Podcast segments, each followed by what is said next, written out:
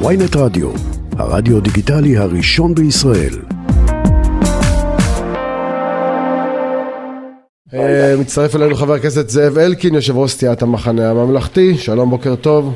שלום, בוקר טוב ושבוע טוב. אתה מדוכדך מהתחזית של מודי'ס? או שלהפך זה מעורר בך תחושת סיפוק שהנה לפחות גורמים הבינלאומיים רואים לאן מדינת ישראל הולכת ואולי אולי זה ישפיע על הממשלה? לא, תחוש, תחושת סיפוק זה בטח לא מעורר בי, אני פטריוט ישראלי ואני רוצה כלכלה ישראלית חזקה ויציבה, כולנו חיים פה באותה ספינה. לקדוח בחורים זה לא בדיוק הדרך אה, לנווט אותה לכיוון הנכון. אני מודאג מאוד לאירוע הזה, אני חייב להגיד שזו פעם ראשונה שאני זוכר שראש ממשלה ושר האוצר מוציאים הודעה חגיגית על זה שמורידים לנו את תחזית דירוג האשראי, לא זוכר כזה אירוע. בלא מעט שנים שאני בפוליטיקה שמציגים את זה כהישג, כן, לאן, לאן הגענו. אבל עדיין, חבר הכנסת אלקין, התחזית הקודרת שלכם לא התממשה. לא, לא ירד הדירוג. הנורא מכל לא הייתה לא לנו, לאף אחד לא הייתה תחזית, קודם כל שירד הדירוג. למוחים, לא, בוא נגיד אני, ככה, למוחים אני, שאמרו לא שזה יגרום לאסון וזה יגרום לאסון כלכלי. כן. אז קודם כל, זה נכון, יש כרגע סימנים מאוד מאוד מדאיגים, ומודי'ס כותבים על זה, וכשמשנים אותך מחיובי ליציב, זה אומר שמורידים אותך, מורידים אותך, יש לזה כל מיני מחירים, לא אכנס אליהם כרגע, בטח דיברתם עם הדובר הקודם בהרחבה. אבל ברור שזה אירוע שלילי למשק. יש עוד איתותים אחרים, כולכם רואים את הדיווחים מעולם ההייטק הישראלי, שהוא הראשון שכבר נפגע, לא הולך להיפגע, כבר נפגע. ממה שקורה. האם אני שמח מזה? לא, לא רואה פה סיבה לחגיגה. עוד פעם, כולנו כאן באותה מדינה. זה בסוף פוגע בכולנו, פוגע באזרחים. אני מאוד מאוד מקווה שהממשלה תתעשת ותבין שהיא צריכה לטפל בבעיות האמיתיות ולא לייצר בעיות אמיתיות לאזרחי לפי התגובות של, של בכירי הממשלה אה, בטוויטר לפחות, היא לא תתעשת לשיטתך לפחות, והיא אומרת יותר מזה, במודי'ס מאשימים את התגובה של, ה, של המתנגדים לרפורמה. באזהרה שהם פרסמו. אם לא הייתה התגובה הזאת, לא הייתה אזהרה. אז, אז הדרך הזאת להרוג את השליח היא אף פעם לא עוזרת, כן? הרי נתניהו הולך עם זה לאורך כל הדרך. הוא תקף את נגיד בנק ישראל שהתריע עוד בתחילת הדרך ואמר שיהיו לזה מחירים. הוא, למרות שלנגיד אין פה עמדה פוליטית והוא מינוי שלו. הוא תקף את בכירי צה"ל ואת שר הביטחון שהתריעו, אפילו פיטר את שר הביטחון, פיתוחים שבסוף נאלץ בבושת פנים לחזור, לחזור מהם. השיטה הזאת שתקף את הכלכלנים הבכירים שבתוכם היו היועצים הכי קרובים שלו במשך שנים שעיצבו בשמו את המדיניות הכלכלית הישראלית כשהם התריעו לו גם כן בתחילת הדרך שזאת תהיה פגיעה בכלכלה ועוד ועוד ועוד. אז uh, אפשר להמשיך בדרך הזאת. אבל, אבל לוגית, במבחן, במבחן התוצאה, לא נעשה שום שינוי במערכת המשפט. כלום, דה פקטו, אוקיי? במבחן התוצאה לא נעשה שום שינוי, מה שכן איזו מחאה מאוד מאוד מאוד רחבה שטלטלה את המדינה לא, וגם את הכלכלה של המדינה במובנים כל, מסוימים. ולכן בוא, אומר שמחה רוטמן, זה אתם עשיתם את האזהרה הזאת, אתם בוא, המפגינים, באשמתכם. לא נעשה שום שינוי, לא בגלל ששמחה רוטמן בטובו החליט לעצור. אלא בגלל הכוח של המחאה, שבסופו של דבר ראש ממשלה, אחרי שהכניס גול עצמי מפואר עם פיטורי גלנט, בסופו של דבר הבין מה עוצמת המחאה פה ובלם. אגב, בלם זמנית, אנחנו לא יודעים לכמה זמן. כולנו מכירים את ההתחייבות לבן גביר שעד uh, סוף כנס הקיץ, עד סוף יולי, החקיקה הזאת תאושר. כולנו מכירים את האמירות של יריב לוין ושמחה רוטמן שזאת רק עצירה זמנית ובכנס הקיץ חוזרים בכל הכוח להעביר את החוק כמות שהוא. ולכן מבחינה זאת אין סיבה להיות פה רגועים, כן? אבל uh, הסדר הדברים היה בדיוק הפוך. המחאה היא זאת שעצרה את החקיקה הזאת. במידה והחקיקה הייתה עוברת, אני מניח שהיינו מגיעים למצב הרבה יותר גרוע. אגב, גם בדוח הזה של מודי זה כתוב מפורשות. שזה חלק ממה שמטריד אותם, שהם לא יודעים לאן זה הולך, ואם החקיקה תעבור, זה ללא ספק כבר יפגע בדירוג האשראי הישראלי. אז תגיד, אז מה הטעם בהידברות?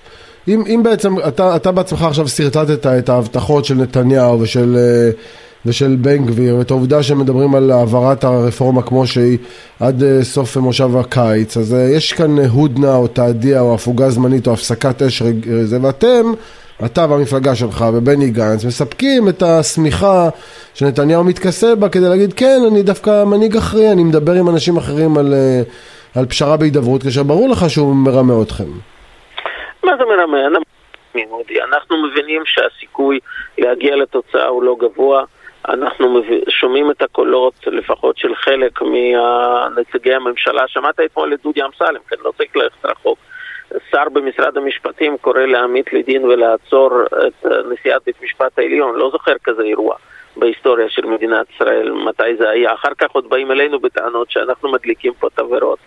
גם בציבור וגם ברמה בינלאומית וגם ברמה כלכלית, הרי לא צריך אותנו, כן? פשוט אפשר לקחת את הרעיון של דודי אמסלם אתמול, אה, והוא מדבר בעד עצמו, כל בר דעת אה, פשוט תולש שערות כשהוא שומע את הדברים שנאמרו שם. אה, אתה חושב שהדברים של דודי אמסלם מבטאים את מה שנתניהו חושב, את מה שנתניהו רוצה, או שהוא כולו שולט באירוע? אני לא יודע, אני לא יודע, בינתיים ראינו הרבה פעמים, אתה זוכר לפני, המל... לפני הבחירות, כשנתניהו ניסה לטשטש את העוצמה של השינוי מש... בעולם המשפטי שליכוד רוצה לעשות, ויצא בכל מיני אמירות הרגעה. אה, דודי אמסלם הוא זה שהלך למצלמות, וכל מה שקרה אמר וקרה הרבה מעבר ממה שהוא אמר אז. אז אני כבר לא יודע, יכול להיות שמה שהוא שומע בחדרים סגורים הוא כמסיח לפי תומו אומר, ואחר כך מנסים להשתיק אותו, אבל בסופו של דבר... אז אתה לוקח ברצינות את הדברים של אמסלם, לא, אתה לא מבטל אותם. אני בוודאי לא מבטל את הדברים של מישהו שראש ממשלה כל כך מפחד ממנו, שהשקיע חודשים כדי לרצות אותו, העביר אליו רשות החברות. הממשלתיות, הרי מתי אתה זוכר אירועים מהסוג כזה ששר אוצר ועוד ממפלגה אחרת הסכים לוותר על רשות חברות ממשלתיות רק כדי לרצות את דודי אמסלם בגלל לחץ של ראש ממשלה. אז הוא בוודאי לא איזשהו איש מהשורות האחרונות של הליכוד, הוא בקדמת הרשימה לפי הפריימריז, הוא היום שר במשרד המשפטים, שר מקשר בין הממשלה לכנסת, שר שאחראי על חלק ניכר מהכלכלה הישראלית דרך חברות ממשלתיות, לא בן אדם הזוי שזורק מילים באוויר. ולכן uh, הדברים שלו חמורים מאוד, צריך לקחת פה בשיא רצינות, וברור שהם מסיימים נזק גדול למדינת ישראל. אז אנחנו לא תמימים, חזרה לשאלתך, אבל, ופה אבל הגדול, מישהו צריך להיות המבוגר האחראי בתוך המערכת הזאת, וגם אם הסיכוי לא גדול, תפקידנו פה להפוך כל אבן כדי לנסות ולמצות את הניסיון הזה להגיע לרפורמה נכונה ולהרגיע את הרוחות. אם נצליח, בזה יהיה שכרנו, גם אם נשלם על זה מחיר פוליטי מסוים. אם לא נצליח, נוכל לפחות להביט במראה ולהגיד, הפכנו כל אבן וניסינו לעצור את מדינת ישראל מהידרדרות למצב המסוכן לאן שהממשלה מנסה לקחת אותו. אה, חבר הכנסת אלקין, אה, בממשלה הקודמת היית שר אה, השיכון, ובסוף השבוע האחרון הרבה ביקורת הופנתה כלפי שר סמוטריץ', שר האוצר, שטען שהירידה במחירי הדיור היא תוצאה של המדיניות האחראית שהוא והממשלה הנוכחית מנהלים. ואתה כתבת בטוויטר שזה בעצם תוצאה של ה... דברים שאתה עשית בזמן שאתה יודע, יש איזה אגב, עניין פעוט של עליית ריבית מטורפת ושיווקים שעוד לא נבלמו והאטה במשק, אז זה, אולי לא, הקרדיט הוא גם לא, לא שלך. קודם כל שיווקים אנחנו. עכשיו, אה, אה, בואי נעשה סדר. כמובן האמירה של סמוטריץ' מצחיקה, אגב, דווקא בעבר היו לו אמירות אחרות שמשקפות מה, את המצב האמיתי, שהוא אמר כל מה שאנחנו צריכים לעשות זה להמשיך באותה תנופת בנייה שהייתה פה קודם. אז uh, בהקשר הזה הוא צודק. עכשיו, הסיבה לבלימה של עליית המחירים ואפילו ירידה, ירידה הייתה בחודשי ינואר-פברואר. ברור שסמוטריץ' לא הספיק להשפיע על זה, הוא נכנס לתפקידו בתחילת, בסוף דצמבר ממש, כן, לקראת תחילת השנה. ועל uh, הירידה הזאת היו שתי סיבות. אגב, אנחנו אמרנו את זה, תקחי רעיונות שלי, של אביעד פרידמן, מנכ"ל משרד השיכון, בחודשים האחרונים של שנת 22, אמרנו ב-23 תהיה בלימה של עליית המחירים ואפילו ירידה. זה בדיוק מה שקרה בנתונים שפורסמו בסוף השבוע הזה על חודשיים הראשונים של 23. מה שאמרנו שיקרה בדיוק קורה. למה זה קרה? משתי סיבות. אחת, זה עליית הריבית, אני אף פעם לא, לא מזלזל בעליית הריבית, בכל הרעיונות שלי הדגשתי שזה כמובן ישפיע על השוק. והשני, שהוא לא פחות, כי זה תמיד משחק של היצע והביקוש, זה הגדלה דרמטית של ההיצע.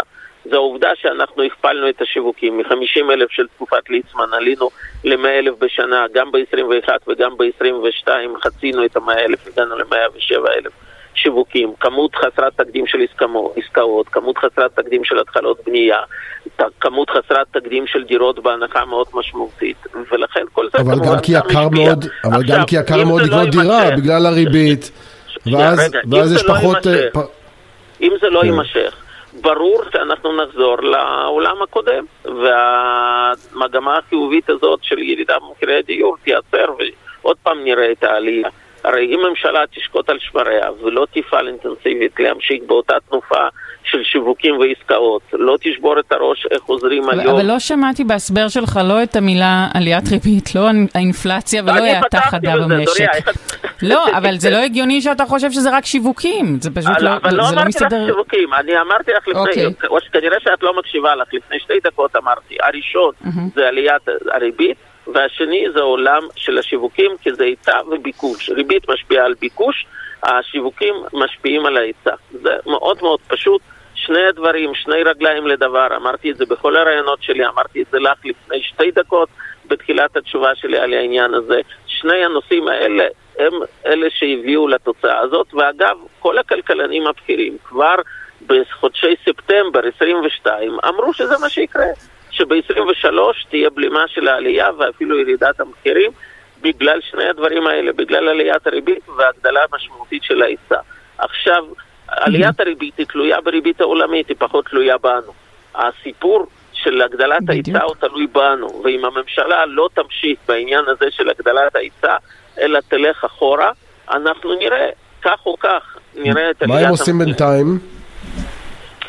בינתיים אה, יש כמה דברים שאותי מאוד מדאיגים. למשל, נכון לעכשיו שר השיכון הסכים למה שמשרד האוצר רצה כל הזמן ואני לא נתתי, להוריד דרמטית את ההנחה לזוגות הצעירים. זו החלטה לכאורה טכנית, אומרים שיעשו הנחה לא ממחיר של שנת 20 אלא ממחיר של שנת 22.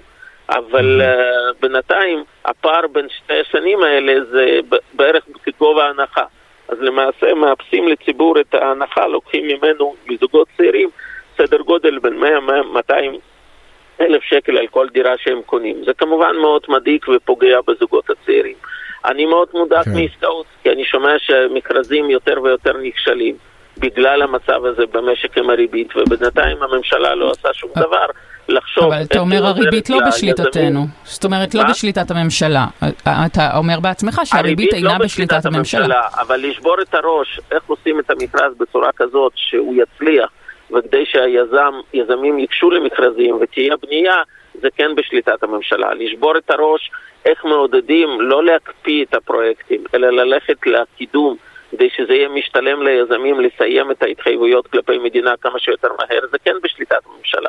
זאת אומרת שיש שורה שלמה של צעדים שיכלו לעשות אותם אפילו בחוק ההסדרים הנוכחי ולא עושים אותם, אה, שבסופו של דבר הם לא יעשו אותם. אנחנו נראה את השוק הולך אחורה. אוקיי. כן, חבר הכנסת זאב אלקין, יושב ראש סיעת המחנה הממלכתי, תודה רבה לך על השיחה הזאת, שבוע טוב. תודה רבה ושבוע טוב.